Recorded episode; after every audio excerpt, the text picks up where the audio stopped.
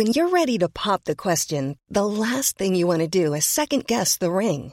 At Bluenile.com, you can design a one of a kind ring with the ease and convenience of shopping online. Choose your diamond and setting. When you find the one, you'll get it delivered right to your door. Go to Bluenile.com and use promo code LISTEN to get $50 off your purchase of $500 or more. That's code LISTEN at Bluenile.com for $50 off your purchase. Bluenile.com code LISTEN. Quality sleep is essential. That's why the Sleep Number Smart Bed is designed for your ever evolving sleep needs. Need a bed that's firmer or softer on either side? Helps you sleep at a comfortable temperature? Sleep Number Smart Beds let you individualize your comfort so you sleep better together. JD Power ranks Sleep Number number 1 in customer satisfaction with mattresses purchased in-store. And now, save 50% on the Sleep Number limited edition Smart Bed for a limited time. For JD Power 2023 award information, visit jdpower.com/awards. Only at a Sleep Number store or sleepnumber.com.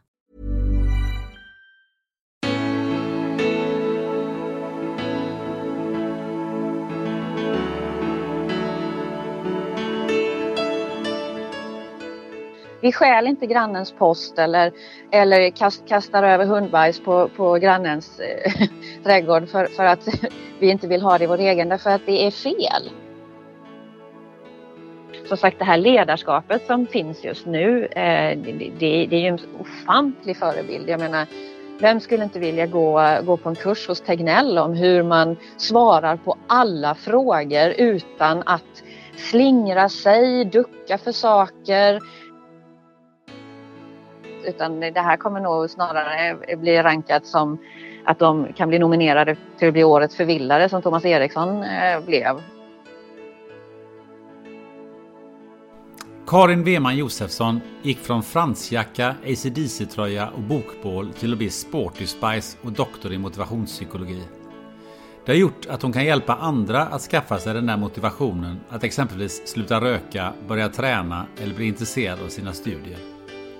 Men det har också gett henne en förståelse för varför Netflix och en chipspåse nästan alltid vinner över träning och att det faktiskt är okej okay ibland. På senaste tiden har Karin Weman Josefsson gett sig in i debatten i hur Sverige har skött coronakrisen utifrån ett motivationspsykologiskt perspektiv. Och hennes analys är kristallklar och säkert provocerande för en del. Sverige gör rätt och alla andra gör fel. Vad hon något övers för en del andra forskare? Ja, det hörde ni alldeles nyss en antydan till. Jag har som regel att alltid vilja träffa mina gäster personligen, men med den rådande situationen så fick jag göra ett undantag. Så detta är min första intervju över länk. Ljudet blev inte helt hundra, så jag hoppas att du har överseende med det. Men nu rullar vi! Karin Weman Josefsson, välkommen till podden Spännande möte. Tack så mycket! Du, hur är läget med dig idag? Det är bara bra. Det är strålande, precis som vädret. Det är strålande precis som vädret. Jag, jag märkte det, har du lagt märke till det att, att eh, den här frågan eh, hur är läget? Den, den kan uppfattas liksom i två steg har jag lagt märke till. Det ena är att det är hälsan först och sen är det, det läget med det andra är liksom sådär Eh, Eh, ja, hur går affärerna eller blir du påverkad av det här? På något sätt sådär så, så är, förr så är det som, har vi läget och så är det här, man blir bra. Och då vet man att det liksom är ett allmänt läge. Men, men här delas det upp lite grann i, i, i två delar tycker jag. Kan du, kan du hålla med om den känslan? Ja, lite grann. Man känner ju att folk svarar lite annorlunda nu kanske i, i eh, coronatider och man märker ju den här oron som finns och, och, och hur folk liksom försöker hantera eh, osäkerheterna som, som finns runt detta. Det är ju ett, eh, nu är det ju ett samtalsämne som är betydligt viktigare än vädret. Det har man ju märkt i alla fall. ja, jag hade ett möte igår och var, det var någon som sa det till mig att eh, ja, vad härligt, vi börjar prata om vädret och inte om corona. Ja, precis. Du, ehm, det här är min första poddintervju på, på länk så det känns lite extraordinärt. Jag brukar ju ha de här mötena personligen och det kommer jag även sträva efter framöver. Men som sagt vad vi har redan varit inne på det, det är en liten speciell eh, situation ehm, just nu. Ehm, men jag tänkte att vi ska prata om ett ämne som ju du är expert på. Nämligen motivation och motion. Men vi ska ägna som lyssnarna säkert redan har förstått, en stor del åt Eh, det är den här krisen som, som vi alla är inne i nu. För du har ju skrivit en debattartikel med eh, rubriken Sveriges linje i kampen mot corona stöds av psykologisk forskning. Och den blev jag ju extremt nyfiken eh, på. Så att det ska vi ju prata en hel del om. Men jag tänkte så här att om vi kastar oss rakt in i det här med motivation. Och då tänkte jag börja med ett citat faktiskt av, av vår statsepidemiolog Anders Tegnell som vid något tillfälle sa så här är den bästa motivationen att om jag gör det här så behöver inte mina föräldrar bli sjuka? Eller är den bästa motivationen ett hot? Frågetecken. Och det låter ju väldigt simpelt i, i de flesta öron lite grann. Men, men kan du förklara bakgrunden lite grann till det han faktiskt säger där? Utifrån ditt perspektiv. Absolut, och det var i Skavlan han sa det faktiskt. Eh, just det här att, eh, ja, för då Skavlan frågade väl, eh, tror jag, det här med, med att det var dryga böter i Norge eh, för, för att eh, bryta mot deras regler och rekommendationer i förhållande till social distansering då. Eh, och då menar ju Tegnell på att, eh, att han menar att den bästa motivationen är ju att jag gör det för att det känns meningsfullt. För, för att jag vet varför jag gör det. Eh, och det är ju för att jag vill skydda mina föräldrar från smitta till exempel. Eller andras föräldrar. Eh, och, och det här det, det, är ju bland annat det här som är helt i linje med, med eh, motivationsteoretisk eh, forskning. Därför att eh, man har under väldigt under lång tid nu eh, tittat på just det här eh, med morot och piska versus eh, meningsfullhet och eh, självbestämmande motivation. Och ja, det är ju ganska entydiga eh, resultat i många tunga experimentella eh, studier som visar att när vi gör någonting för att det känns meningsfullt, eh, när vi känner att vi har någon slags valmöjlighet och att vi får vara med och bestämma när, var och hur någonting ska göras och att vi känner att vi gör det frivilligt Eh, och när vi känner en social gemenskap i, i detta och att man, man känner att man är kompetent, man har kapacitet att lösa och hantera situationen inom de ramar som finns, ja men då ökar eh, så att säga hållbarheten i motivationen. För motivation är ju psykologisk energi.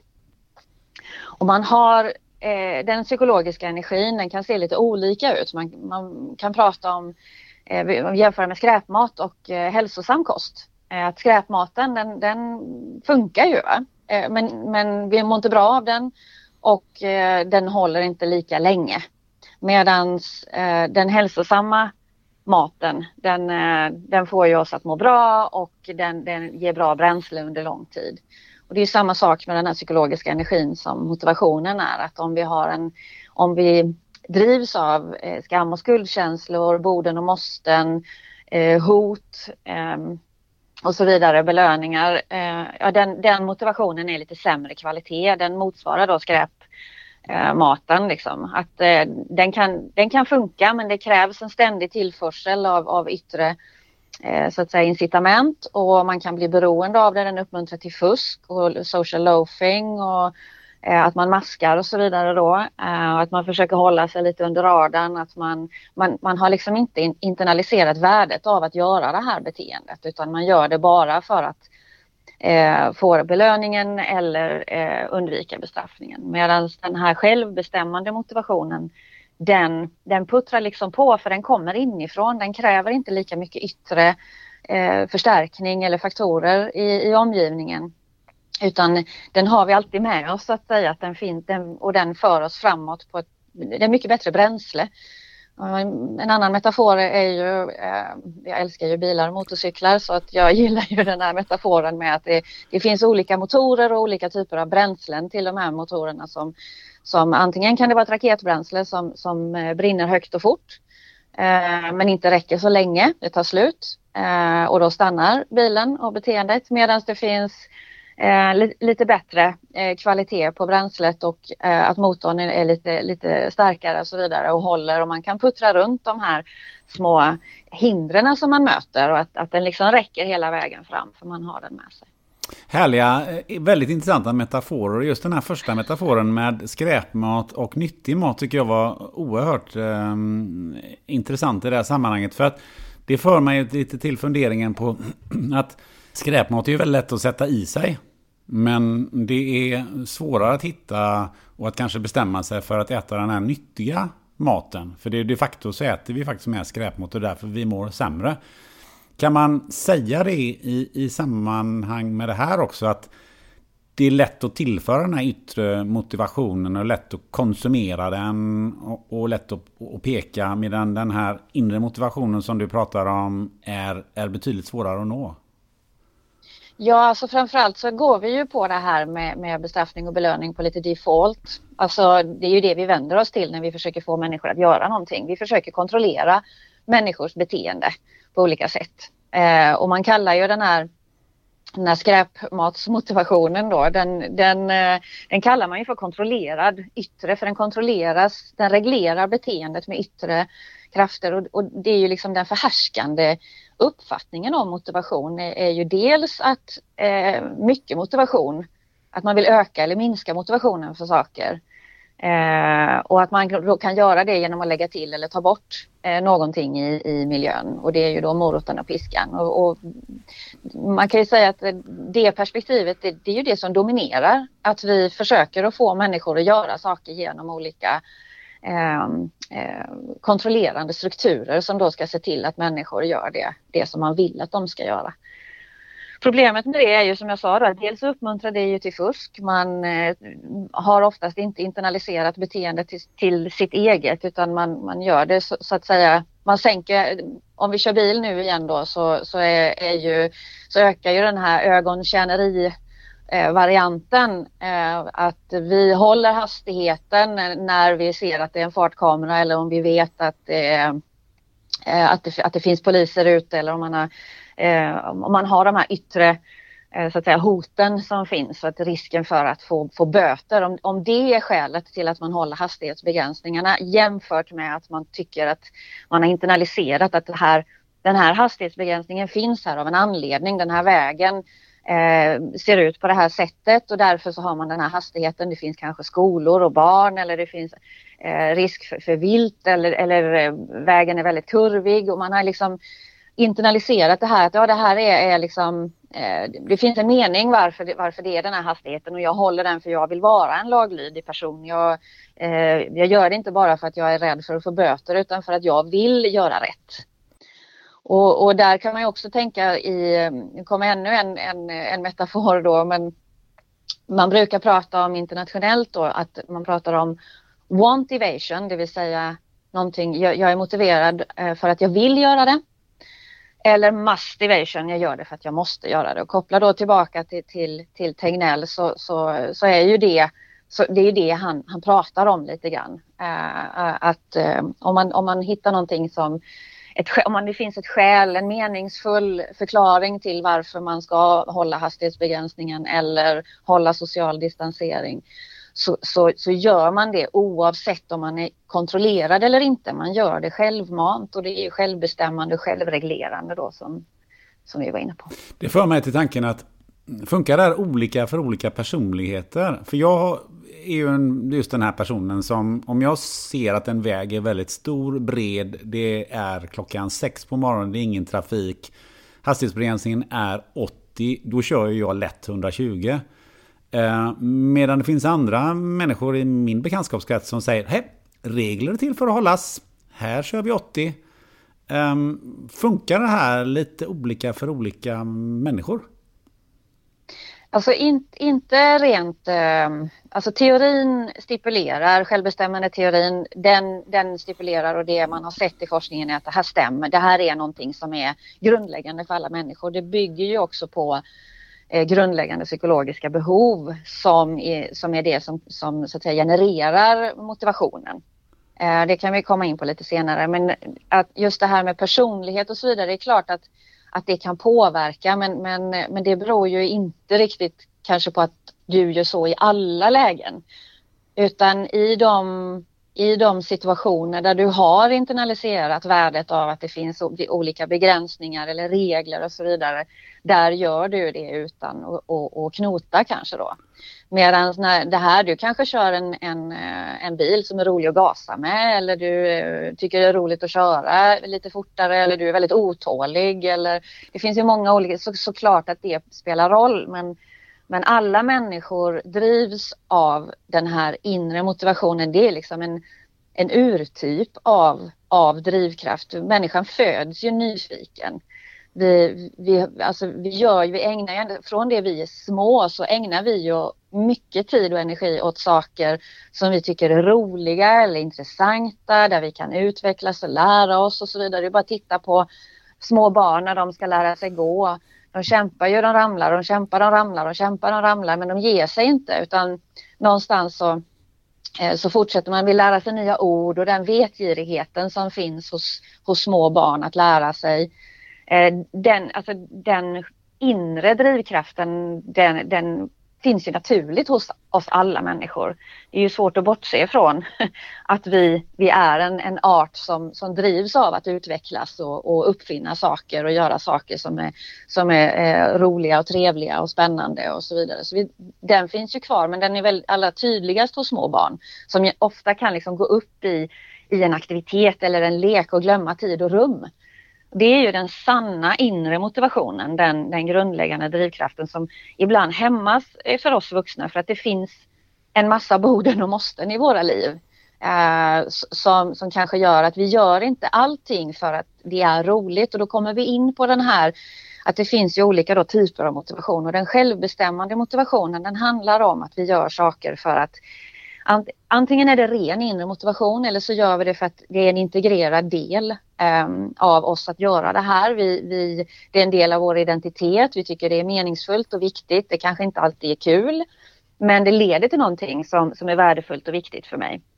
Och då är det ju egentligen en yttre motivation, men det är en väldigt självbestämmande typ av yttre motivation. Medan den här kontrollerade, om man, om man går längre ut på, på kontinuumet så att säga då, så blir det ju eh, det här med att vi, vi styrs av borden och måsten och skam och skuldkänslor eller för att vi vill eh, för, förbättra vår självkänsla eller känna oss stolt. Vi kan bara känna oss stolta om vi lyckas med de här sakerna eller gör de här sakerna på ett bra sätt. Det är ju, då är det vi själva som delar ut moroten och piskan med de här känslorna eh, um, av antingen skuld eller, eller stolthet då. Och den, den är allra mest kontrollerande motivationen det är ju den yttre motivationen som handlar om eh, straff och belöning som någon annan eller som omgivningen utdelar för dig. Och det är ofta där vi hamnar som sagt för att det är det vi tror är mest effektivt. Men mängden motivation är ingen garanti för att vi ska göra någonting. Vi kan ju vara jättemotiverade och, och ha världens bästa intentioner på söndagskvällen att den här veckan ska jag sluta äta godis eller jag ska börja cykla till jobbet eller jag ska träna tre gånger i veckan och så vidare. Och man kan ha de bästa intentioner men sen när vardagen slår till eller när man väl står där och ska ta klivet ut och göra den här förändringen eller när man ska avstå den där kakan eller vad det nu än är. Det är då det blir svårt så att säga. Så intention och vilja, vi kan börja vårt nya liv varje måndag, finns det ju de som gör, eller varje nyår. Och det är en väldigt stark motivation som man borde kunna ta vara på. Men en stark motivation gör oftast att man går ut lite för hårt eh, och, gör, och, att man gör det av fel skäl. Att vi misslyckas med våra löften till oss själva beror ofta på att det inte egentligen är någonting vi vill göra innerst inne utan vi gör det för att för att om någonstans i miljön så finns det signaler på att det här borde jag, jag borde gå ner i vikt eller jag borde träna mer eller jag borde göra de här sakerna. Kan man säga att det här med ehm, just det morot och, och, och, piska och den här typen av motivation som, som du nämner här och som, som vi använder väldigt mycket. Använder vi den för att vi ehm, tycker att det är lättare, eller vi tror att det är lättare att förändra människor eller, eller påverka saker och ting genom att använda den för att det tar längre tid att få människor att få den inre motivationen. Är det någon sorts genväg? Eh, kan man uppfatta det så? Ja, det kan man väl säga, men också det att vi tror väldigt mycket på det. Vi, vi, vi hela vårt samhälle är ju uppbyggt på belöningar och bestraffningar i arbetslivet och, och, och i, i, ehm, eh, i övriga, övriga situationer också. Att, att man tror väldigt mycket på det här med att ehm, bara man belönar tillräckligt mycket så kommer folk att, att prestera bättre. Alltså det finns ju bonusar och det finns en massa andra saker som man försöker använda för att stimulera. Ehm, men, men vi vet ju att den här typen av beteendeekonomi den, den funkar dåligt. Alltså. Den funkar framförallt väldigt kortsiktigt. Och den är ganska dyr att upprätthålla jämfört med om någon gör någonting för att det är roligt, känns viktigt och meningsfullt och för att man verkligen vill det och, och, och stannar kvar lite extra på jobbet eller gör det här, den här lilla extra grejen eller väljer att avstå från, från att göra vissa saker för, för andras skull och så vidare. Så eh, eh bonusar till säljare, det är kass egentligen? Ja, alltså för då blir det ju att då gör ju inte personen eh, sitt jobb för att de vill göra sitt jobb bra för att det är roligt, utmanande, spännande och så vidare utan då gör de det bara för belöningen. Och då blir man beroende av belöningen. Och då kommer man, får man inte den förväntade belöningen så kommer man inte heller att göra eh, beteendet eh, eller göra den här aktiviteten eller anstränga sig lika hårt. Eh, och, och det, det, är ju, det kan vi också, det ser vi ju, vi observerar det men vi, vi tror fortfarande på att ja men då får vi öka belöningen eller Eh, eller så är det fel på personen. Vi, vi skyller liksom, vi blame the victim då, att man skyller på att det är personen som inte är tillräckligt motiverad eller duktig eller, eller hungrig eller vad det nu än är. Men varför är det då så vanligt att vi använder den typen av motivation, alltså den yttre motivationen? Varför, varför tror vi så mycket på den? Jo, men den funkar ju kortsiktigt. Ser, man, kan ju se, man kan ju lura eller tvinga eller hota eller, eller belöna fram eh, olika beteenden.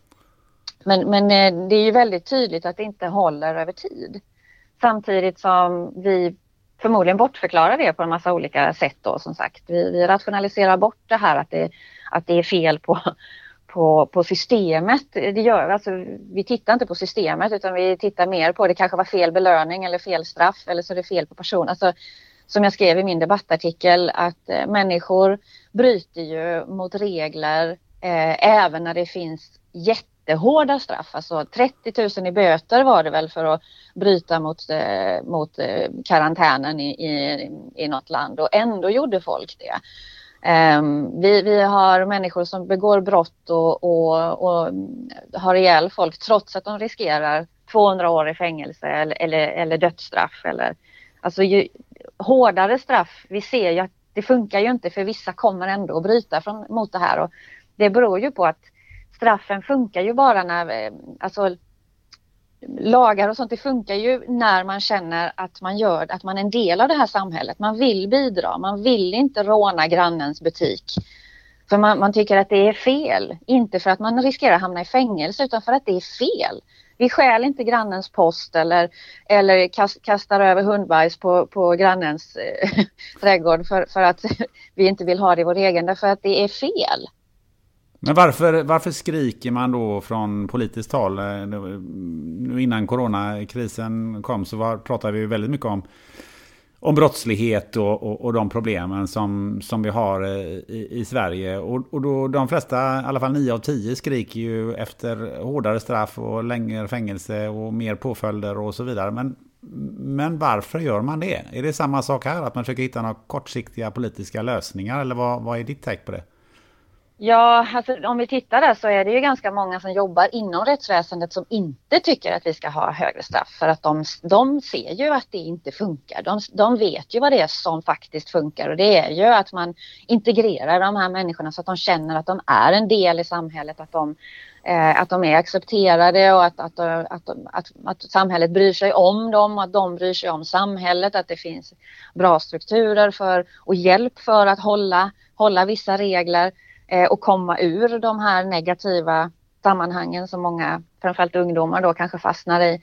Eh, och, och, att man känner att man har valmöjligheter, inte att man är liksom tryckt eh, och, och nedtryckt av ett system eh, och att man inte är en del av det systemet. Så man bryr sig inte om man rånar tant Agda så, och, och hon ramlar och bryter lårbenshalsen för man känner sig inte relaterad till henne. Det finns liksom ingen man bryr sig inte och det beror på att man inte känner att, att någon bryr sig om mig heller i den här kontexten. Så, så, så, att det här med hårdare straff och så vidare, rent politiskt så är det ju alltid billiga politiska poäng och, och liksom slå näven i bordet och, och, och, speciellt i opposition, vem som än är i opposition så, så är det, ju, det, är ju alltid väldigt tacksamt för då kan man slå näven i bordet jättemycket. Det, det, gör, det, det är väldigt skönt att det inte har skett så mycket i den här coronakrisen faktiskt utan att man i mångt och mycket har slutit upp eh, kring eh, den sittande regeringen och, och att man stött, stöttar det. Det finns några som har stuckit ut hakan och, eh, men de har ju i princip gjort bort sig också eh, offentligt. Så att ehm, eh, jag tror att här förstår man att det gemensamma är det viktiga, att man håller en, en tydlig linje, att man stöttar och, och så vidare. Så, så att, eh, men i, i, andra fall så är det ju väldigt vanligt att, att man kommer med, med lite mer drastiska utspel för att plocka poäng. Eh, det är ju lite grann som löpsedlarna, de vill, de vill ju plocka klick. Så. Ja, precis. Har du hittat olika personlighetstyper som eh, svarar lite olika på yttre och inre motivation? Kan man, finns det några sådana indelningar? Nej, alltså det är inte så kopplat till personlighet. Eh, eftersom det handlar om grundläggande psykologiska behov som alla har oavsett om du bor i Kina eller eh, i USA och eh, oavsett hur gammal du är, oavsett vilken kultur du, tillhör så vidare. Man har sett att det här håller. Det, här är så grundläggande att det håller oavsett vem. Men sen så finns det givetvis vissa personligheter som kanske är eh, som alltså, mm, locus, locus of control eh, brukar man prata om, alltså kontrolllocus. Vad, vad lägger, hur förklarar man olika saker som händer? Förklarar man det med att, att eh, det är omgivningen eh, som det är fel på, det är inget fel på mig. Eh, eller gör man tvärtom, att man förklarar all, alla negativa saker med att ja, det är så typiskt mig. Om man pratar om positiv och ehm, eh, om, om, man är positiv eller negativt lagd och så vidare. Eh, och det kan ju påverka hur den här motivationen eh, hur den skapas så att, så att säga, åt vilket håll den går, om den är mer självbestämmande eller mer men, men det kan alltid påverkas genom att man tillfredsställer de här tre behoven pratar om. Autonomi, kompetens och tillhörighet. Det vill säga frivillighet, eh, självtillit till sin egen förmåga och, och bemästra, att man kan bemästra situationen och att man känner att, eh, att man är en del av en gemenskap. Att, att jag bryr mig om. Och det kan finnas på olika nivåer. Det kan ju vara på en, en en makronivå i samhället, att jag känner mig som en del av, av samhället eller en viss kultur. Men det kan också vara på, på gruppnivå eller mikronivå i familjen, att jag känner att jag har en tillhörighet här eller på jobbet eller, eller på gymmet eller eh, så vidare. Så att den här tillhörighetskänslan den, den kan finnas på väldigt många nivåer. Eh, och den är otroligt viktig. Så om vi tillfredsställer de behoven i ett samtal eller i eh, en, en arbetskultur eh, i ett ledarskap eller på policynivå hur man då kommunicerar saker och ting. Och då backar vi tillbaka då igen till Tegnell och, och company och Folkhälsomyndigheten. Det de gör är att de tillfredsställer de här tre behoven eh, hos människor. Jag, jag, är osäker på, jag vet inte om de gör det medvetet, om de kan självbestämmande teorin eller om de gör det intuitivt eh, baserat på att de vet vad som funkar och inte. Eh, och att man tror på det. Sen har det ju med svensk lagstiftning att göra också så, och så vidare. Att, att vi inte kan eh, stänga ner saker på samma sätt som, som Finland kunde göra. Det är ju, liksom, det är ju reglerat i vår grundlag. Eh, och eh, smittskyddslagen och så vidare säger att, att det handlar mycket om, det bygger på frivillighet. Det gör ju våra vaccinationsprogram och så också. Och i vaccinationsprogrammen så ser vi ju jämfört med andra länder att vi ligger på 97 procent av föräldrar som vaccinerar sina barn här trots att det inte är lagstadgat. Medan det är mycket lägre i andra länder där det faktiskt är lag. till exempel. Va? Så att vi, vi, vi, har en tradition av att, av att eh, bygga väldigt mycket på den här frivilligheten eh, och, och, och, känslan av solidaritet och gemenskap och att man, man nudgar och skapar liksom strukturer som gör det lättare för människor att göra bra val. Eh, och det är ju precis det som, som får den här motivationen att bli mer den här självbestämmande, hållbara motivationen som får människor också att känna att de mår bra. Alltså en, en psykologiskt välbefinnande. Eh, snarare än den här yttre kontrollerade motivationen som, som gör att man, man, man det, känns det är lite obehagligt att känna sig eh, kontrollerad av yttre faktorer och vi har en inre treåring i oss allihopa som, som vill liksom bestämma själv och, eh, och har valmöjligheter och känna att man, att man har kontroll över sitt liv, inte att man är kontrollerad av andra. Någonting som jag bara tänkte på just nu så här. Eh, eh hur, hur tror du att arbetsklimatet är på Folkhälsomyndigheten? Med tanke på att, att man faktiskt framför idéer på det här sättet. Och man måste ju ändå ha en ganska stor frihet inom den organisationen känns det som. Ehm, för, för att våga stå och, och, och, och säga de här sakerna och, och en trygghet. Hur, hur, har du gjort någon reflektion på det? Nej, det har jag faktiskt inte. Jag tänker mig nog att eh, tillståndet på Folkhälsomyndigheten just nu är nog oerhört pressat och stressat och yttre kontrollerat. Eh, de, är ju, de är ju väldigt utsatta och i händerna på väldigt hög press just nu. Jag hoppas ju givetvis att, eh, jag menar det är ju ändå Tegnell som, som är eh, chefsepidemiolog och, och vi har ju även eh, chefen för Folkhälsomyndigheten som också är väldigt vettig och, och, och verkligen eh, kör på samma linje. Och, innan, och det var väl Giesecke jag har väl varit med innan också. Alla de här eh, visar ju på den här typen av ledarskap. Det är ju ett väldigt tryggt ledarskap. Det är ett väldigt tillitsfullt ledarskap och man litar på sin, sin, sin personal förmodligen då. Ja. Så att jag hoppas ju att det speglar sig även i, i den organisationen. Men det vågar jag inte uttala mig om hur det är. Och jag tror också att precis som i, i nästan alla andra verksamheter just nu, eh, även om inte vi har en lockdown så är det ju oerhört tufft alla har ett tufft arbetsklimat på olika sätt. Antingen att man, att man har problem med att kanske få leveranser, man kanske har problem med att få kunder, eh, man kanske har både och. Eh, det, man tenderar ju i ett ledarskap så tenderar man ju eh, i en stressig situation att bli en sämre ledare. Man, man tappar liksom, man, man tappar det här med att delegera många gånger. Man vill ha kontroll över allting. Man drar det till sig själv. Man, man får lite tunnelseende. Man fattar förhastade beslut baserat på, på liksom dåligt underlag ofta. Man tar inte in all den informationen som finns. Men det tycker jag ändå att det som vår folkhälsomyndighet har lyckats med i ett ledarskapsperspektiv eh, det är ju att, att tänka eh, att backa lite och att tänka att, att titta på de sakerna som, som faktiskt finns och att, att hålla många saker eh, i luften samtidigt och, och verkligen lyckas med att förmedla det här trygga eh, budskapet och att man, man har koll, man tar in information efterhand och man, låter, man litar på, på, på människor och så vidare. Så jag tycker de, de har ju kommunicerat det på ett väldigt bra sätt. Ja, för vad jag far efter där är ju att det hade varit väldigt enkelt att peka med hela, hela handen. Och, ja men absolut. Och, och, och, köra en morot och piska eh, varianten.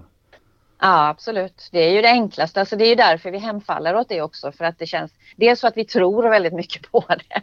Eh, men också för att det, det vi på något sätt eh, eh, det, är ju, det är ju lättare eh, än att ta sig tiden att, att ge meningsfulla förklaringar, att, att ge människor valmöjligheter. Eh, även om det kan vara inom, inom väldigt små ramar så att säga, men ändå att det finns en, en, en frivillighet i, i, i det. Eh, och att också då samtidigt erbjuda den här sociala tryggheten och känslan av att vi, vi gör det här tillsammans, vi, eh, vi hjälps åt, vi tycker om varandra, vi bryr oss om vår, våra medmänniskor eller våra medarbetare och så vidare. Men om, om vi, om vi tar oss till dig då, jag menar din, din personliga eh, historia. Eh, har, har, hur har du hamnat i det här med att hålla på med, med att forska kring motivation? Ja, jo det är ju faktiskt, det finns en väldigt stark anledning till att jag verkligen brinner för detta och det, det är på grund av min egen motivationsresa kan man väl säga då. Um, och att jag just är intresserad av motivation till motion och träning och fysisk aktivitet och så vidare. Det, det, det, det beror på, alltså när jag var liten så, så var jag hästtjej. Jag var, och alla som har hållit på med hästar vet att det, det, är ganska, det krävs ganska mycket styrka och, och det, det, är mycket fysisk aktivitet i, i detta. Eh, så att jag var ganska stark för att vara en liten eh, tjej på 46-48 kilo. Ehm, men jag tyckte inte att skolgympan var särskilt rolig. Jag borde kanske ha varit duktig på det. Men eh, tyvärr så var ju jag den här fula tjejen med stora tänder som blev vald sist i alla, i alla bollsporter. Okay. vi, vi, råkade, vi råkade ju ha lite otur med en liten skola på landet. Vi hade samma lärare i alla ämnen, eh, det vill säga gympan eh, genomfördes också av klassföreståndaren och då blev det kanske inte den mest pedagogiska Eh, utan det handlade mycket om att eh, killar, de som var duktiga på idrott, de fick välja vad vi skulle göra. Det var mycket bollsporter och så vidare. Jag kände mig totalt eh, värdelös. Om man kopplar det till de, till de tre behoven så kände jag ju varken, varken att, att det var frivilligt eller jag kände, hade ingen tillit till min förmåga att klara av det och jag kände mig utanför och exkluderad såklart i, istället för att känna en gemenskap och omtanke. Så, eh, men det här i alla fall när jag ju äldre jag blev så, så eh, försökte man ju komma undan på olika sätt. Eh, så man fejkade skador och glömde gympapåsen och eh, när man var tonåring så var man ju så tuff som en liten huggorm så man, man, var, man skolkade då istället, så gick inte ens dit till skolgympan. Så jag, jag, när jag flyttade hemifrån när jag var 16 så blev jag den här väldigt, eh, och sålde hästen då. Eh, så då blev jag väldigt stillasittande. Jag, jag satt mest och, och fikade och rökte och kollade på film med mina kompisar och och blev en del av den här statistiken med stillasittande eh, personer. Så jag skrattade ju rått och hjärtligt åt folk som frivilligt tränade och var ute och sprang, morot och toppluva, häpp liksom. Eh, eller, eller fotboll. Eh, spela fotboll, varför köper man inte elva bollar så slipper de jaga en boll allihopa? Så det var väldigt mycket den attityden från mig då. Men sen så när jag var i 20 så då jobbade jag på Hemglass och körde glassbilen.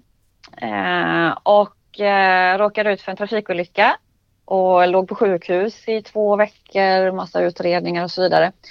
Eh, och eh, det, eh, en lång historia kort där då, det, man hittade ju inte eh, riktigt vad det var för fel. Eh, så man bollades runt lite grann där och det var mycket rehabilitering och smärt, eh, smärtavdelningen och allt det här och ingen kunde liksom göra någonting. Men så hade jag, fick jag efter ett tag så fick jag en sjukgymnast som gav mig friskvård på remiss. Det här var ju 1996. Så då, det här är föregångaren till fysisk aktivitet på recept som finns nu. Eh, och då hon var väldigt eh, rar och omtänksam och, men också ganska tydlig och mycket alltså struktur och hon, hon tyckte liksom att eh, det här skulle kunna vara någonting för mig. En friskvård, på, för jag gick ju hos henne på sjukgymnastik och så vidare. Men då fick jag den här remissen och jag motvilligt ska jag väl verkligen säga att jag tog emot den för jag kände ju verkligen inte att jag skulle kunna klara av det här med det jag hade i bagaget plus att jag hade ju ont. Jag, jag man pratade ju till och med om förtidspension liksom, eh, på den eh, tiden för mig. Och då när man är 20-21 så är inte det jättekul att, att höra så att jag var ganska nere i skorna där. Um, men sen i alla fall så valde jag att eh, följa henne och, och eh, hennes råd. Jag tog den här remissen och så betalade jag 200 kronor och det var mycket pengar för någon som har varit långtidssjukskriven och arbetslös. Um, så, så jag gick smög mig in på den här eh, gympan då som hölls. Eh, den leddes av instruktörer från Friskis och Svettis och den var uppe på habiliteringen på sjukhuset och då var vi en brokig skara människor där som kom dit. Det var människor med grav övervikt. Det var äldre personer som hade genomgått kanske en höftledsoperation. Det var, ja, vi var helt enkelt en brokig skara eh, skadade människor som tillsammans där faktiskt eh, fick en, en gemenskap och vi kände att vi, vi blev starkare tillsammans och så vidare. Och jag framförallt kände att jag var ju inte sämst i den här gruppen längre som jag var när jag gick i skolan. Jag kände ju faktiskt att, att här, jag klarade av att göra de här sakerna och jag kände ganska snabbt att jag blev bättre. Det här var ju en, en, eh, en hösttermin kan man säga. Vi gick en gång i veckan eller två gånger i veckan kanske, jag kommer inte ihåg. Eh, och sen eh, när den här tiden var slut då, då fick man eh, för de här 200 kronorna man hade betalat så fick man access även till Friskis och Svettis lokaler och deras gym och träning under en månad. Och eh, det var i december då. Och, ehm, så jag smög mig in där och eh, började på baspassen och ja, inom ganska kort tid så slutade det med att jag tränade sex dagar i veckan blev, eh, eh, satt i styrelsen och blev instruktör i spinning, pump och vattengympa och eh, hanterade mina, mina skador på ett väldigt, väldigt bra sätt. Jag hade inte alls den smärtan längre och blev ju jättestark och agil. Och, och där kan man väl säga att den motivationsresan då, den, den stimulerade. Då började jag ju fundera över hur kunde detta ske? Hur kunde min motivation och mitt liv och min identitet förändras från, från liksom från den här lilla spända huggormen med, med fransjacka och ACDC-tröja till att bli Sporty Spice. Jag blev ju den här nidbilden morot och toppluva som jag hade skrattat åt innan. Och varför blev det så? Så jag blev väldigt nyfiken på detta. Eh, jag hade gått en, en sån här utre eller genomgått någon slags utredning också under den månaden med vad, jag, vad man skulle kunna jobba med. Och, för jag kunde inte fortsätta jobba med det jag hade gjort innan inom restaurang och så vidare för det var ganska, det är ganska tungt och sådär. Men, men eh, det visade sig att jag hade lite talang för, eh, eh, för att lära och läsa och de tyckte att jag skulle plugga. Så att jag kikade omkring lite vad, vad det fanns. Jag läste in mina, eh, mitt tredje år för på min tid på gymnasiet så var det ju bara två år och jag hade ett litet bokbål där när jag tog studenten och sa aldrig mer plugga. så jag läste in tredje året på komvux, kom in på högskolan, visade sig då eh, att här fanns ju eh, en av Nordens eh, bästa utbildningar inom idrottspsykologi. Så jag ville ju helt enkelt förstå hur, hur mitt beteende hade kunnat ändras så att jag kunde rulla ut röda mattan för andra. Att göra att man inte ska behöva en trafikolycka för att för att eh, upptäcka hur bra man kan må trots att man kanske både mår dåligt psykiskt och har fysiska problem. Att det kan vända så otroligt bara med fysisk aktivitet. Det tycker jag är väldigt intressant. Eh, för jag har många gånger funderat på um, varför det är så svårt för människor att, att eh, förändra sin, sin livsstil. Och, och att mm, jag tänker mig så här att drivkraften att eh, ha ett längre liv, må bra. Då pratar jag kanske om människor som, människor som kanske är typ 50 plus. För, för där är, börjar det bli mängder med folk som har högt blodtryck och begynnande diabetes och fetma och, och, och you name it. Och, och, någonstans så är de ju medvetna om att de, att de dels förkortar sitt liv och dels får ett sämre liv när, man, när de blir äldre. Men Ändå så är det så svårt att förändra sin livsstil. Vad beror det på? För, jag, för mig så känns det som att det borde vara en fantastisk drivkraft, precis som det var för dig att eh, du skulle ta dig ur eh, där du var, att du skulle bli förtidspensionerad till, till där du är idag. Hur, hur kommer det sig att det är så svårt? How would you like to look five years younger? In a clinical study, people that had volume added with Juvederm Voluma XC in the cheeks perceived themselves as looking five years younger at six months after treatment. Look younger, feel like you. Add volume for lift and contour in the cheeks with Juvederm Voluma XC. Reverse signs of aging by adding volume to smooth laugh lines with Juvederm Volure XC. For important safety information and to find a licensed specialist, visit juvederm.com. That's J U V E D E R M.com. Not for people with severe allergic reactions, allergies to lidocaine, or the proteins used in Juvederm. Common side effects include injection site redness, swelling, pain, tenderness, firmness, lumps, bumps, bruising, discoloration, or itching. There's a risk of unintentional injection into a blood vessel, which can cause vision abnormalities, blindness, stroke, temporary scabs, or scarring. Talk to a licensed specialist to find out if it's right for you. Hey, it's Ryan Reynolds, and I'm here with Keith, co star of my upcoming film, If, only in theaters, May 17th. Do you want to tell people the big news? All right, I'll do it. Sign up now and you'll get unlimited for $15 a month in six months of Paramount Plus Essential Plan on us. Mintmobile.com slash switch. Upfront payment of $45 equivalent to $15 per month. Unlimited over 40 gigabytes per month. Face lower speeds. Videos at 480p. Active Mint customers by 531.24 get six months of Paramount Plus Essential Plan. Auto renews after six months. Offer ends May 31st, 2024. Separate Paramount Plus registration required. Terms and conditions apply if rated PG. Hold up. What was that? Boring. No flavor. That was as bad as those leftovers you ate all week. Kiki Palmer here, and it's time to say hello to something fresh and guilt-free. Hello Fresh. Jazz up dinner with pecan-crusted chicken or garlic butter shrimp scampi. Now that's music to my mouth. Hello Fresh. Let's get this dinner party started. Discover all the delicious possibilities at hellofresh.com.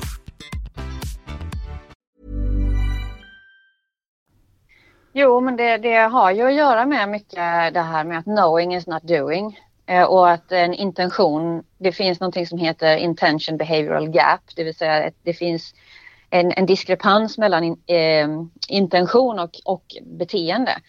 Eh, och det, det har med motivation att göra. Eh, det är bara för att vi vet att det är farligt att röka så, så eh, hjälper ju inte det oss att sluta röka. Eh, enbart att veta det.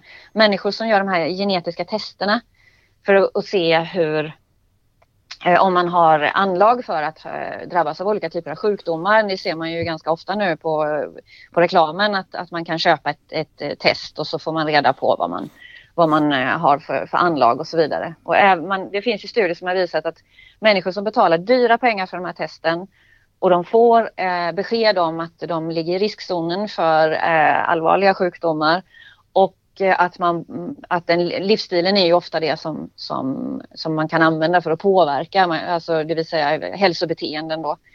Eh, och ändå så förändrar inte de sitt beteende. Eh, och det beror på att det, det räcker inte att veta, det räcker inte heller att, att eh, det här med hot och så vidare, utan först när vi har internaliserat värdet av varför jag ska göra det här och hur det hjälper mig och bidrar i mitt liv Eh, och att jag känner att, att jag kan påverka det. Jag vill påverka det. Jag har en möjlighet att bestämma eh, och jag känner att, att eh, ett stöd i omgivningen eh, för att göra det. Ja, men då kan vi eh, lättare ta det här steget. Men många gånger så är det ju den här kortsiktiga motivationen, den här hot, hot, hot om sjukdom i framtiden. Alltså det, är en väldigt svag motivator måste jag säga. Vi människor vi är liksom hardwired att, att, att, eh, att, att få omedelbara eh, så att säga eh, bekräftelser eller belöningar av det, det vi gör och det är därför Netflix att, att Netflix som en chipspåse ofta vinner över att eh, ta på sig kläderna och, och ge sig ut och springa eller ta sig till träningen. Eh, för att jag inte ska bli sjuk någon gång i framtiden. Eh, utan det, det, behöver komma närmare oss och, och, att vi känner att, att vi tycker det är meningsfullt och viktigt att vi kan lösa det här. Så att just det här att sen så kommuniceras det här ofta på ett sätt som, som inte är eh, enligt modellen för Tegnell Company till exempel utan man, man, eh, man lägger mycket skuldkänslor ofta i, i de här beteenden och borden och måsten och det handlar ofta om också att man skruvar upp förväntningarna så oerhört för vad som krävs. Därför att hälsobeteenden de, de, de, de, kommer ju, man måste, kommer ju behöva prioritera. Du behöver ha en, en, en tidsplan och du behöver prioritera bort andra saker. Du, du kanske måste lösa olika typer av problem. Det, det, det är lite jobbigt. Eh, alla hälsobeteenden är, har ju någon form av, av ansträngning eh, i sig. Antingen att man ska eh, välja eh, grönsaker framför ehm, någonting som är mycket godare och, som vi också är programmerade att gilla, någonting som är sött eller fett och så vidare. Eh, eller att eh, en koloskopi är ju inte särskilt, det är inte så mycket inre motivation till det, det är ganska obehagligt att göra det. Eh, det finns, att sluta röka är, är superjobbigt eftersom det triggar våra kemikalier i kroppen, belöningssystem och så vidare som gör att det är svårt att, att avstå någonting som ger en, en omedelbar belöning i systemet. Eh, och hälsobeteenden i form av fysisk aktivitet och träning, och det, det, det, är väl ännu tydligare att det ofta är, involverar någon form av, av obehag eller ansträngning på något sätt, att man måste pressa sig själv lite grann. Och där hamnar vi ofta i att vi försöker göra alldeles för mycket, för vi tror att det är no pain, no gain, blod, svett och tårar. Eh, man måste, man, det finns väldigt många föreställningar om vad man måste göra Eh, för att få hälsoeffekter av fysisk aktivitet. Du, du, måste gå till gymmet och du måste svettas. Du måste eh, få upp pulsen. Det måste vara, vara liksom mjölksyra, det måste vara jobbigt. Eh, och, och, så är det inte alls. Därför att hälsoeffekterna av fysisk aktivitet de kommer från första steget. De kommer så fort du reser dig upp i soffan. Det behöver inte alls vara ansträngande, du behöver inte alls hålla på i minst eh, 30 minuter, du behöver inte alls gå 10 000 steg om dagen. Eh, många gånger så utgår vi ju från de här rekommendationerna som finns från olika myndigheter också eh, och att vi utgår från det som någon slags eh, att, att det skulle vara ett utgångsläge eh, istället för att det kan vara ett långsiktigt mål och att vi vet att där någonstans då kommer ju största delen av hälsoeffekterna såklart eh, om man upprätthåller det över tid. Men vi kan inte för, alltså förvänta oss att människor ska börja där. Och det är ingenting magiskt som händer när du har gått det 10, 10 000 steget. Eh, utan det magiska händer när, när du ökar din, din aktivitet lite grann. Och det behöver inte alls vara intensivt heller och jobbigt eh, för att det ska ge effekter. det, det är en myt och det, det, problemet med när man går ut för hårt är ju att det blir ett omedelbart obehag och så känner vi att det här vill jag aldrig göra om. Fy vad jobbigt det här var. Och så tappar man ju liksom efterhand sugen. Och återigen den, den, den psykologiska energin som motivationen är, den räcker liksom inte till de här eh, höga belastningarna, höga förväntningarna. Eh, så det är därför vi, vi misslyckas så att säga. Om, om vi istället hade försökt att skruva ner och hjälpa människor att skruva ner förväntningarna, eh, att skapa en trappa eh, istället för, för bara en uppförsbacke där man kan liksom på något sätt se var man befinner sig. Att det är helt okej okay att backa i den här trappan eller stå still i den här trappan. Eh, istället för att man, man tror så himla mycket på det här effekten av viljestyrka. Att det är bara att bestämma sig och hur svårt kan det vara? Du måste hitta någonting du tycker är roligt och, eh, och så vidare. Eh, och, och, det får ju bara folk att känna sig dumma när de inte känner så. Ehm, om man tittar på människor som, som är väldigt aktiva och som har ett långsiktigt beteende så, så har ju de ofta, eh, alltså de förhandlar ju också ofta med sig själva. Jag menar jag har tränat nu regelbundet sedan jag var i, i 20-årsåldern. Eh, men det är inte så att jag alltid skuttar glatt till gymmet med hoppsasteg utan ibland får jag verkligen ta mig i, i, i kragen och sparka mig själv i rumpan och, eh, och göra det. Och ibland så får man också låta bli. Därför att ska du få effekter av, av hälsobeteenden då måste du fortsätta resten av livet och då faller ju allt det här med liksom, eh, att vara perfekt hela tiden, eh, att aldrig avvika från planen eh, och, eh, och, att göra de här jättetuffa sakerna som pulverdieter och, och crossfit och, och mudrace och allt vad det nu är. Liksom, det håller ju inte i längden utan att upprätthålla någonting över lång tid. Det handlar ju om att, som jag sagt innan, man puttrar runt olika hinder, man, man har plan B och plan C, man tillåter sig själv ge sig en klapp på axeln, eh, att man är okej okay fast man inte gjorde det man tänkte och så vidare. För att vi, vi blir så oerhört besvikna när vi bryter ett löfte till oss själva, att vi kastar in handduken och ger upp. Om man har slutat röka och så åker man på en fest och så tar man en, cig, en festsig och så tänker man att jag misslyckats totalt. Nu kan jag lika gärna röka ett helt paket. Nu kan jag börja röka igen för jag har misslyckats. Och det är en psykologisk effekt som, som sker när vi bryter ett löfte till oss själva. Det heter abstinence violation effect. Eh, och som får oss att hoppa av eh, våra planer för vi tror att man måste liksom eh, vara perfekt hela tiden och så är det ju inte. Utan ibland är det bättre för motivationen att skita i det. Om vi sätter det här i relation till eh, det som har framkommit eh, nu då i, i eh, koppling åter till eh, den, den krisen och, och den, eh, eh, den här coronainfluensan. Eh, där man har kommit fram till att eh, det är både rökning, övervikt, ehm, högt blodtryck och diabetes är riskfaktorer för att bli allvarligt sjuk i, i, det här, i corona. Med ledning av det, vad tror du Tror du att människor kommer förändra sin eh, livsstil? Kommer det här vara någon sorts eh, kick för dem? Eller kommer det här bara passera förbi? Eh, precis som Nej, det har... Alltså, Vad tror du? Alltså jag tror att många kommer försöka. Eh, för det här är ju, det här är ju någonting som är ett, ett, ett hotbudskap så att säga. Det är ju ett, ett omedelbart hot som vi kan relatera till direkt. Eh, frågan är ju då hur hållbart det blir. Eh, och då tycker jag det är viktigt att vi försöker hjälpa människor på olika sätt att, att, eh, att internalisera värdet av det i, i, inte bara i förhållande till corona utan i förhållande till eh, deras liv och deras hälsa. Eh, så att många gånger så fokuserar ju vi på en jumpstart eller, eller punktinsatser och att, att eh, eh så man, man, när man plötsligt, när det kommer nära en så, så får man den här kraften att kanske eh, försöka sluta och så vidare. Men, men frågan är hur, hur, man kan hjälpa människor att göra det hållbart över tid. Eh, just nu så, så, gör vi ju många saker av rädsla för att bli sjuka. Eh, och, och, jag tror att det kommer, vissa av det kommer klinga av eh, såvida man inte lyckas skapa den här mer hållbara eh, motivationen till det över tid. Då. Eh, man har ju redan sett att folk börjar slappna av nu i, i förhållande till social distansering och så vidare. Man, man, har liksom inte, man orkar inte hålla den här, den här yttre Eh, de här yttre kraven så att säga. Eh, om, när man börjar normalisera det och börjar känna liksom att äh, det är nog inte så farligt, ja, det har ju inte hänt någonting eh, här eller nu verkar det ju stabilisera sig i, i, de nationella siffrorna och så vidare och så backar man av lite. Då.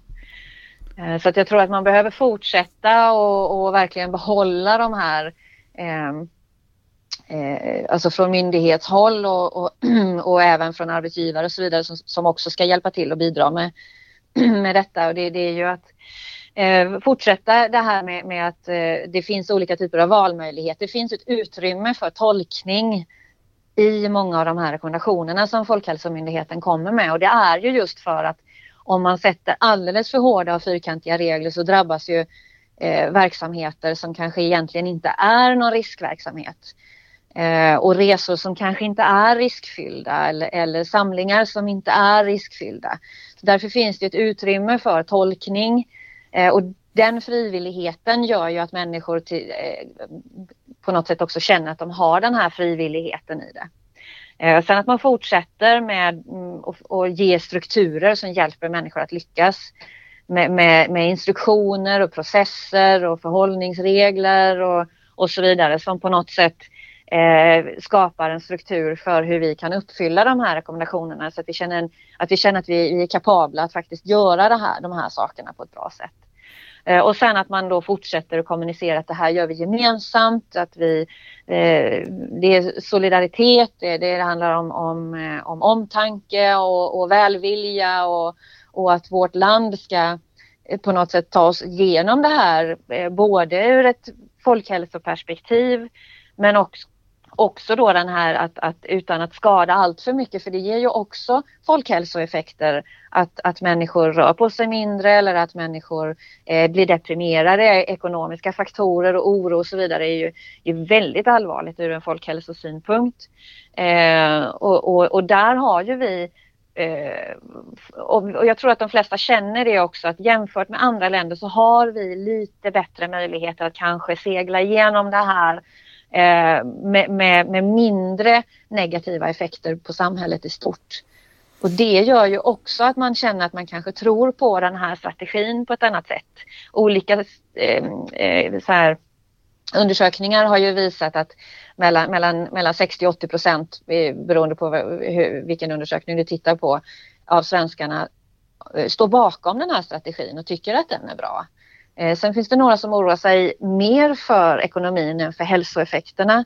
Och så finns det några då som tycker att, att eh, Sverige borde göra som andra länder och stänga ner och så vidare. Eh, men, men de allra flesta tror ju på det, så då tycker jag att man har liksom lyckats med det. Men vi har också en tradition av ett, vi har ett tillitsfullt samhälle. Vi, vi har väldigt lite korruption, man litar på myndigheter, man litar på experter. Vi jobbar eh, väldigt mycket med, med, med just eh, att eh, med vetenskapliga, eh, grund, vetenskaplig grund för det som, som man bestämmer och gör. Och det har ju varit jättetydligt nu eh, i, i just eh, corona att man, eh, här pratar vi inte om snabba politiska beslut eller att visa handlingskraft eller dådkraft utan här backar vi tillbaka, vi tar in den informationen som finns och vi ändrar eh, vår strategi eller ändrar Eh, efterhand som vi får ny information eller efterhand som, som Eh, epidemin utvecklar sig på olika sätt så har man ju förändrat restriktionerna till exempel på efterhand. Men, eh, men man gör inte saker i onödan så att säga och man fattar inte, inte ogrundade beslut utan som sagt det här ledarskapet som finns just nu eh, det, det, det är ju en ofantlig förebild. Jag menar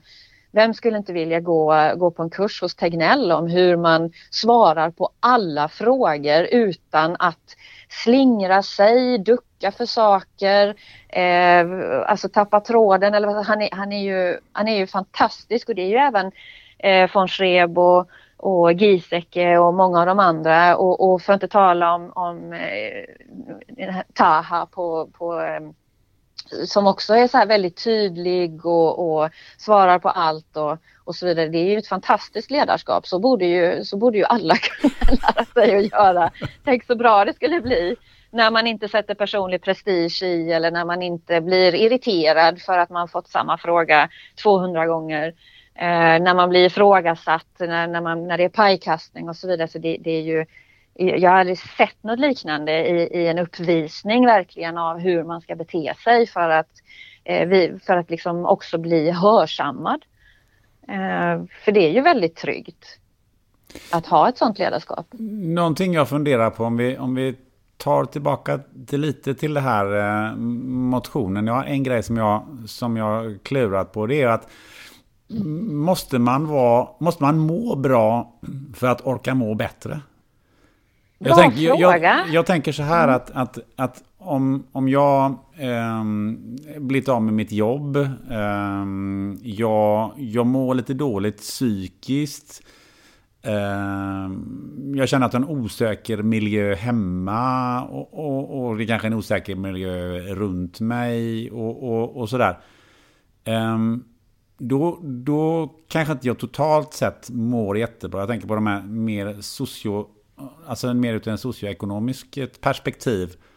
Um, är, det, är det svårare så att säga att komma, att ta sig dithän att faktiskt eh, göra saker så att jag mår bättre?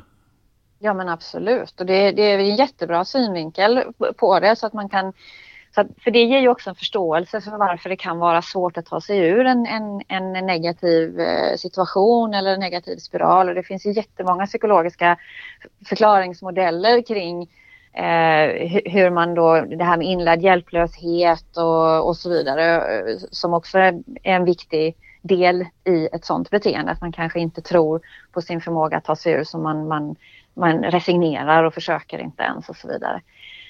Um, men, men det här beror ju på att de här eh, behoven är ju inte tillfredsställda. Det är ju tvärtom. Man känner sig oerhört kontrollerad. Inga valmöjligheter kanske. Man, man, man känner att man inte kan påverka sin situation. Eh, man känner inte tillit till sin förmåga att hantera det. Eh, så det här kompetensbehovet är absolut inte tillfredsställt. Eh, och man, man känner kanske också sig väldigt isolerad och utanför och, och eh, man kanske känner sig dum eller, eller på något sätt eh, isolerad från andra eller att ingen bryr sig om mig. eller jag måste prestera för att någon ska bry sig om mig. Typ. Så, så, så, att eh, det här handlar ju om att, eh, att försöka då att tillfredsställa de här behoven hos de här människorna. Att man att man utgår från deras situation och skapar en valmöjlighet utifrån det. Att man undersöker vad det finns för någonting i den här personens situation som de kan eh, som de faktiskt kan göra. Och alla personer är ju experter på sig själva. Det, det, är ju verkligen så att vi vet ju vad som har funkat historiskt. Vi vet vad, vad, vad som inte har funkat och ofta så analyserar vi ju bara det som inte funkar istället för att gå tillbaka och faktiskt analysera vad var det som funkade? Varför funkade det? Eh, istället för att ha ett problemfokus kan man ha ett, ett, ett, lösningsfokus men inte bara det här hepp, det, det finns eh, inga problem, det finns bara lösningar. För det får ju också folk att känna sig dumma om inte de känner så. Eh, så, så, att vi ska försöka få människor att känna att de kan påverka sin situation. Att man skapar hjälpstrukturer eller nudging eller vad som helst som kan få människor att ta de första stegen. Och att få känna sig kompetent. För det här med att lyckas med någonting är ju en oerhört stark drivkraft. När vi känner, alltså alla som spelat bowling vet ju hur det känns när man, när man sätter den där striken. Vilken eufori det är att lyckas med någonting. Eh, och likaså man, när, man, eh, när man ska lära ett barn att cykla så försöker man ju rigga situationen så att de ska lyckas. Eh, man försöker inte tvinga dem att göra en massa saker kanske utan man, man låter dem välja hur och när och var och så vidare. Man, man försöker göra det enklare att lyckas på olika sätt. Man, Eh, man försöker instruera, man kanske har en liten pinne som, som man kan hålla i cykeln och springa bak, bakom så att de får, får liksom känna det här med balansen och, och att man hela tiden då visar kärlek och omtanke och förståelse för att det här är svårt. Eh, att man försöker att, att rigga situationen så, så, att man tillfredsställer de här behoven så ökar ju chansen för att med små steg man kan ta sig ur. Men återigen så, så är det ju ofta det att man, att man har så höga krav eh, Eh, i, i omgivningen eller på sig själv att man hamnar i, i den här apatiska, att det, inte är, det, det är ingen mening, det är ingen, ingen idé att försöka, jag kommer aldrig klara det här eller eh, det, det, är ja, ingen som, som stöttar eller så utan och för mycket stött och, och, och, stöttande och pepping kan ju också bli jobbigt. Jag menar det är ju jätteirriterande Eh, att, att höra någon som peppar när man inte vill bli peppad. Men tror du att det finns någon skillnad ehm, i eh, hur det budskapet uppfattas eh, som Tegnell och kompani ger, där man lägger väldigt mycket förtroende och, eh, hos, hos oss själva och där vi får bestämma själva. Eh, och jag tänker ju på människor som kanske inte känner den här autonomin och, och den här tillhörigheten. Hur, hur, ehm, hur skiljer sig reaktionen på sånt här budskap, tror du? Nej, men det, det beror ju mycket på att man kanske inte eh, har tagit in eller fått tillräckligt med information. För kunskapen och informationen, kompetensbegreppet, det är oerhört viktigt i, i huruvida man anser att man ska göra det här eller inte. Så att själva, det de kunde ha gjort är att vara kanske lite tydligare med att ja, men det, det är ändå smittskyddslagen säger att varje enskild person har ett ansvar för att inte sprida smittan vidare och att följa myndighetens rekommendationer. Det är liksom inte, i Sverige är en rekommendation inte ah, ett, ett råd i all välmening utan i Sverige är en rekommendation en väldigt tydlig eh, Alltså i, i, lag, i lagtexten så är det väldigt tydligt att vi har ett ansvar som medborgare att, att göra de här sakerna. Det är inte bara goda råd. Um, och det tror jag att man kanske skulle ha, ha, ha varit lite tydligare med men också det här att, att eh, människor att informationen kommer ut till människor. För allt, har man lyssnat på, vilket jag har gjort, varenda presskonferens och om man har läst eh, lite av det underlaget som, som Folkhälsomyndigheten har fattat beslut på. Jag har läst vissa av de här forskningsrapporterna från Harvard och så vidare, Oxford och så. Eh, ja men då blir det väldigt självklart för man förstår ju varför Folkhälsomyndigheten har valt att göra de här sakerna. Och allt det här förklaras på varenda, alltså framförallt de första 10-20 jag får säga, presskonferenserna. Nej men de första 10, det var oerhört tydligt. Tegnell och kompani, de svarade på alla de här frågorna om och om och om igen. Jag tror att människor lyssnar inte på presskonferenserna utan de läser rubrikerna eh, som media och media har varit urusla i, i det här, eh, i hela den här. Många av dem har ju med sina braskande rubriker som är missvisande. Eh, de har hakat på jättemycket av, av eh, osaklig kritik från självutnämnda eh, nya eh, experter som aldrig har läst epidemiologi överhuvudtaget. Eh, och det har blivit en skev bild som många människor har fått till sig. Därför har jag ju valt också att lägga ganska mycket tid på att, att dels lyssna för att kunna sammanfatta presskonferenserna. Det gjorde jag eh, dagligen under den tiden. Jag sammanfattade presskonferenserna i förhållande till de frågor som fanns i media och la ut då eh, i, i, mina sociala medier för att människor skulle kunna få den här mycket, mycket tydligare bilden av varför gör vi detta? För det är motivation bygger på varför. Varför ska jag göra detta? För då är vi inne på den här motivations, alltså kvaliteten av motivation, typen av motivation snarare än mängden motivation. Så varför vill jag göra det? Vill jag göra det här för att jag vet ungefär som, som Tegnell sa i, Skavlan, för att jag vet att det kan rädda liv eller det, det kan rädda mig. Det är viktigt att vi alla hjälps åt för att människor som är i riskgrupperna inte ska bli sjuka. Eh, det handlar inte om mig som person bara utan det handlar om ett större perspektiv. Eh, eller ska jag göra det för, för, att någon säger åt mig att göra det och så säger de åt mig fast de säger att det, det, är inte lag så jag kan ändå göra som jag vill. Det blir en otydlighet i detta som gör att människor kanske väljer att inte göra det eller att människor tycker att man borde ta till hårdare tag och så vidare. Så det är ganska få människor faktiskt har jag upptäckt som vet om att politiker eh, i Sverige inte kan styra myndigheterna.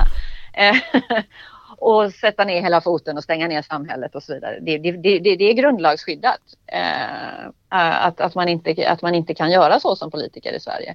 Utan, och det bygger återigen då på att, att eh, forskningen ska leda myndigheternas eh, rekommendationer. Det ska vara vetenskapligt, ska vara evidensbaserat Um, och sen så kan ju givetvis politikerna ut, utverka vissa beslut. Men du, du, som är, du som är forskare, det som jag funderar på det, det är ju att på senaste tiden så har det dykt upp mängder med andra forskare som har sån här otroligt diametralt olika uppfattning om hur vi hanterar coronakrisen. Alltså det, det fanns en forskargrupp med, med Lena Einhorn i spetsen som, som ville avsätta Tegnell och Det finns någon som heter Björn Olsen som vill, vill stänga ner hela Stockholm trots att eh, vi har sett att, eh, att eh, epidemin avstannar och så. Hur, hur, kan man komma till den här typen av slutsatser och dessutom torgföra dem på det här sättet? Det är ju pinsamt. Eh, Lena Einhorn eh, gjorde ju bort både sig och de här 22 forskarna som hade skrivit under den här, den här debattartikeln. Eh, dels så var det ju direkta sakfel. Dels var det väldigt tydligt att det inte alls handlade om någon, någon eh, evidensbaserad eh, retorik på något sätt utan det här var ju politiskt. De, de, de kallade ju Folkhälsomyndigheten eh, för att ha talanglösa tjänstemän. Det är inte särskilt sakligt eller, eller eh, alltså forskarmässigt, det, det är inte så man, man gör inte så helt enkelt. Det var väldigt lågt och Björn Olsen har ju eh, jag tycker han har tillfört väldigt mycket i debatten många gånger men, men han är ju han är väldigt kritisk när han, när han står skyddad eh, själv. Men den gången som han och Tegnell satt tillsammans eh, i Aktuellt och pratade då skrev han ju under på allt som Tegnell sa och nickade och var så beskedlig. Så att jag tror att han har väl också kanske en liten politisk agenda möjligen. Jag, jag, ska kanske inte ta gift på det men det är min, min bild i alla fall. Men vad menar du med politisk agenda? Nej men de gör ju det här, de, har, de, de vill ju på något sätt bara framföra att de finns och, och få sin, sin tid i rampljuset. Uh, så man tar chansen inget... utav ja, att nu, nu ja, händer det, grejer här. Nu sticker vi ja, näsan. Det var ju ganska tydligt med de 22 forskarna varav några inte överhuvudtaget hade någonting med virologi eller det var någon tandreglerare, någon som forskade om tandreglering där. Så det, det, var ju, det, var ju, det var alldeles tydligt att, och de visste inte riktigt vad de skrev på heller. Så att jag tror att de kommer inte kunna sätta det här i sitt CV överhuvudtaget utan det här kommer nog snarare bli rankat som att de kan bli nominerade till att bli årets förvillare som Thomas Eriksson eh, blev. Eh, så, så, att någonstans så, så de ångrar sig nog djupt, många av dem idag, att de gjorde detta på detta sättet. Eh, för det, man behövde nog inte vara så orolig heller för att de har ju verkligen bykats nu i, i, i offentligheten, eh, diverse personer som har ifrågasatt eh, värdet av detta. Ja, de är fortfarande men, jättearga.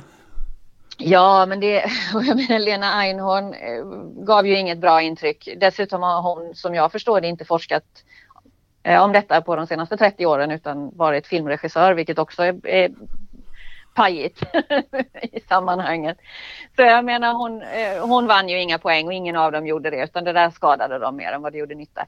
Sen är det ingen konstigt att, att forskare tycker olika. Det gör vi hela tiden. Det ingår i vårt yrke att ifrågasätta. Eh, att, att, eh, att titta på olika vinklar och att analysera och att ha olika åsikter. Det är inte alls något konstigt och den debatten måste ju få finnas eh, även i corona. Men den ska ju föras på ett sakligt sätt och sen så kanske man ska vara lite försiktig med att, att liksom skapa oro genom att göra på det här sättet som många eh, av dem faktiskt har gjort. Um, och, och, och, kräva saker hit eller dit eller, eller kasta pajer eller, eller ifrån, någonstans så får vi vara lite solidariska där också. Därför att faktum är att ingen vet ju. Ingen vet vad som är eh, rätt eller mest effektiv strategi. Men vårat, ehm, eh, vårat samhälle är ju eh, helt enkelt Ehm, ja, det, det, bygger ju på många av de här, eh, att man vill liksom visa sig och, och ja, ta chansen eller ifrågasätta eller så vidare. Men vi måste ju på något sätt vara, ta en gemensam, alltså vara solidariska i det här. Eh, och då menar inte jag att man inte får säga sin åsikt men man kanske ska vara försiktig med att röra om för mycket i grytan därför att det kommer få motsatt effekt. Människor kommer då börja ifrågasätta, bli oroliga, kanske sluta följa rekommendationer och så vidare. Det är, det är fruktansvärt onödigt att göra det i det här läget när folk faktiskt dör. Om vi avrundar lite här med en, med en liten spekulation. Alltså, Sverige har ju valt en, en helt annan strategi än vad alla andra länder eh, har valt. Och nu är vi ju någon sorts eh, inne, eller kanske passerat någon, någon sorts eh, topp här, men vi vet inte hur saker och ting eh, kommer att sluta exakt och så vidare. Men, men om vi spekulerar lite med ledning av det som vi har sagt och det du har upplevt. Um, hur tror du det här kom, hur kommer Sverige ur det här och, och eh, kommer vi kanske till och med kunna dra nytta av den hanteringen som vi har haft här. Det här är spekulativt, men, men jag tycker ändå det kan vara intressant att, att, att dra ut den linjen. Alltså jag står ju bakom Folkhälsomyndighetens och Sveriges linje eh, till 100 procent. Jag är helt övertygad om att vi gör rätt och alla andra gör fel. Jag är faktiskt det. Jag, våg, jag vågar säga det. Som Giesecke. Eh, och det beror ju på att det här att, att det på något sätt det bygger på sans och balans. Det, det, det bygger på, på ett budskap som, eh, som uppenbarligen eh, människor kan ta, ta till sig och att det, det, går att koppla det här till att, hur vi vet att människor funkar genom motivationsteori och så vidare. Det är hållbart. Det är också hållbart ekonomiskt eh, och samhällsmässigt på, på olika sätt. Och, och, det som är intressant nu är ju att Eh, de som har kritiserat oss eh, hårt tidigare internationellt eh, börjar nu snegla på oss och, och Norge öppnade sina förskolor i måndags och i deras folkhälsomyndighet skrev i, sina, i sin informa offentliga information att man gjorde det eftersom man har sett att det funkar i Sverige. Man öppnar förskolorna där. Eh, Danmark börjar också öppna upp lite, många andra börjar prata om att öppna upp. Det, det är ju oerhört tufft i många länder där det har varit total lockdown eh, ekonomiskt och hur människor, eh, hur samhället funkar och hur människor klarar detta och så vidare. Eh, det är också, har ju också visat sig att, att, eh, att vissa företag i Italien till exempel har, bryter mot reglerna och har börjat öppna upp trots att det fortfarande är förbjudet och så vidare. Och, och att människor, det, det börjar finnas en, en mättnad, människor orkar inte, eh, de står inte ut eh, att, att vara så eh, styrda av de här karantänerna och så vidare. Så att det börjar brytas lite här och där och vissa saker är politiskt eh, inducerade då att man, att man försöker att öppna upp och så vidare. Så jag tror att vi kommer inte komma helskinnade ur det här, det kommer ingen göra. Och vi kanske, det kanske till och med kommer bli svårt att jämföra vilken strategi som faktiskt har varit mest effektiv eftersom det är väldigt svårt att jämföra eh, för vi mäter saker på olika sätt, vi har olika förutsättningar i lagsystem, vi har olika kultur, vi har olika eh, politiska system och så vidare. Eh, så att det kommer nog bli väldigt svårt att, att titta på vad som egentligen har varit bäst. Men jag tror att alla kommer ju behöva öppna upp. Och det är svårare att öppna upp än att, att ha det här hållbara perspektivet som, som Sverige har haft där man inte har stängt ner allting för då, då, då har vi, vi har bättre kontroll över situationen helt enkelt. Och det är mindre uppoff- kräver mindre uppoffringar. Så att, eh, jag hoppas ju såklart att hela världen klarar det här, kommer ur det här på ett bra sätt. Eh, det, det, är ju såklart det alla vill, att vi ska kunna komma vidare. Vi kommer nog aldrig, eh, vi kommer få lära oss leva med corona precis som vissa har, har skrivit och, och, eh, och, då tror jag att vi, vi kommer nog klara det ganska bra ändå. Det låter som ett bra eh, slutord. Vi har gjort rätt och alla andra har fel. Tycker jag är ett bra statement att avrunda det här med. Du, hur, ödmjukt. Ödmjukt. Ja, vad, du, eh, hur tycker du att det har varit att köta med mig om det här? Jättekul. Mycket bra frågor eh, kluriga, kluriga idéer och, och tankar och, och, så. Vad tycker du själv? Jag tycker det har varit fantastiskt. Jag tycker att jag har fått så mycket mer insikt i det här med, med motivation och jag hoppas att lyssnarna också har fått det. Jag tycker att du har dragit väldigt många intressanta metaforer och det blir lättare att förstå ett ämne som jag själv tycker är svårt men som jag stöter på eh, dagligen i med det här för jag själv tycker att ja, men det är väl inte så himla svårt eh, det här med, med, med träning eller, eller, eller göra de här grejerna. För jag vet att jag mår jäkligt bra av, av det här. Men det är svårt att överföra det på andra. Jag har fått en större förståelse för det, definitivt. Eh, men du, om, om du skulle få bestämma, vem tycker du jag ska intervjua den här podden? Just det, det har jag glömt att tänka på. Det sa du. eh, ja, Tegnell hade ju varit kul. Ja, eller hur va? Ja. Det kan vi enas om. ja, den, han är definitivt på, på, den, på den här önskelistan. Det ja. kommer jag jaga efter det här. Just nu är det nog ja, ingen det... större idé. Men... Det hade varit kul att få, få om han hade, eh, om du hade frågat honom eh, om, han hade, om vi hade kunnat ställa det i relation till det jag säger, om han hade fått höra, om han hade fått veta att det han gör och, och jag hade velat veta om han känner till de här motivationens mekanismer eller om det, om det bygger på erfarenhet. Och han har ju jobbat med ebola i, i Västafrika och så vidare så han har ju erfarenhet av epidemier sedan tidigare så han kanske bygger det på det men Det har varit intressant att ja. ha ett samtal med honom om motivation. Ja, eh, klockrent. Kanske får ha dig sittande som bisittare då. Precis. Ja, nej, men det är kul att du säger att mm. du har eh, att du har eh, att det har klarnat vissa saker mm. för att men det är ju lite grann som min, eh, en internationell kollega eh, myntade ju det här med att eh, eh, motivation and behavior is not rocket science. It's far more complex than that. Mm.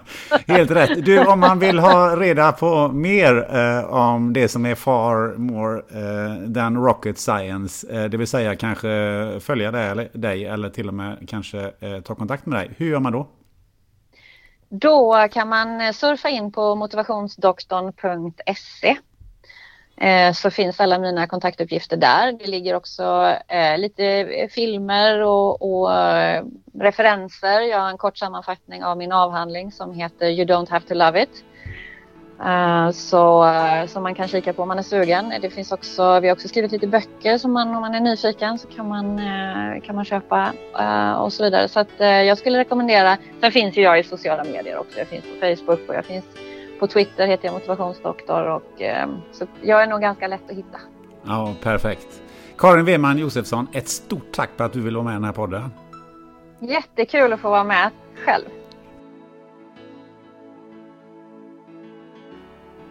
Sådär, nu vet åtminstone jag varför jag kör 120 på 80-väg ibland och varför det är så svårt att ändra på sina dåliga vanor.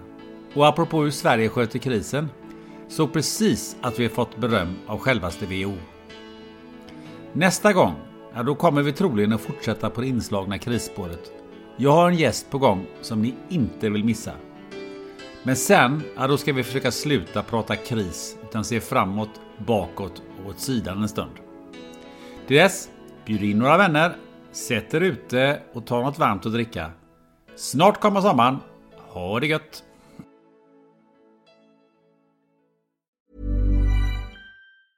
Hi, I'm Daniel, founder of Pretty Litter. Did you know cats tend to hide symptoms of sickness and pain? I learned this the hard way after losing my cat, Gingy. So I created Pretty Litter, a health monitoring litter that helps detect early signs of illness by changing colors, saving you money and potentially your cat's life. Pretty Litter is veterinarian developed, and it's the easiest way to keep tabs on your fur baby's health right at home. Go to prettylitter.com and use code ACAST for 20% off your first order and a free cat toy. Terms and conditions apply. See site for details. Planning for your next trip?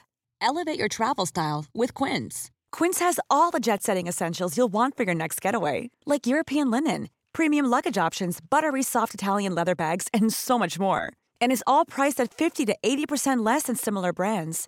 Plus, Quince only works with factories that use safe and ethical manufacturing practices.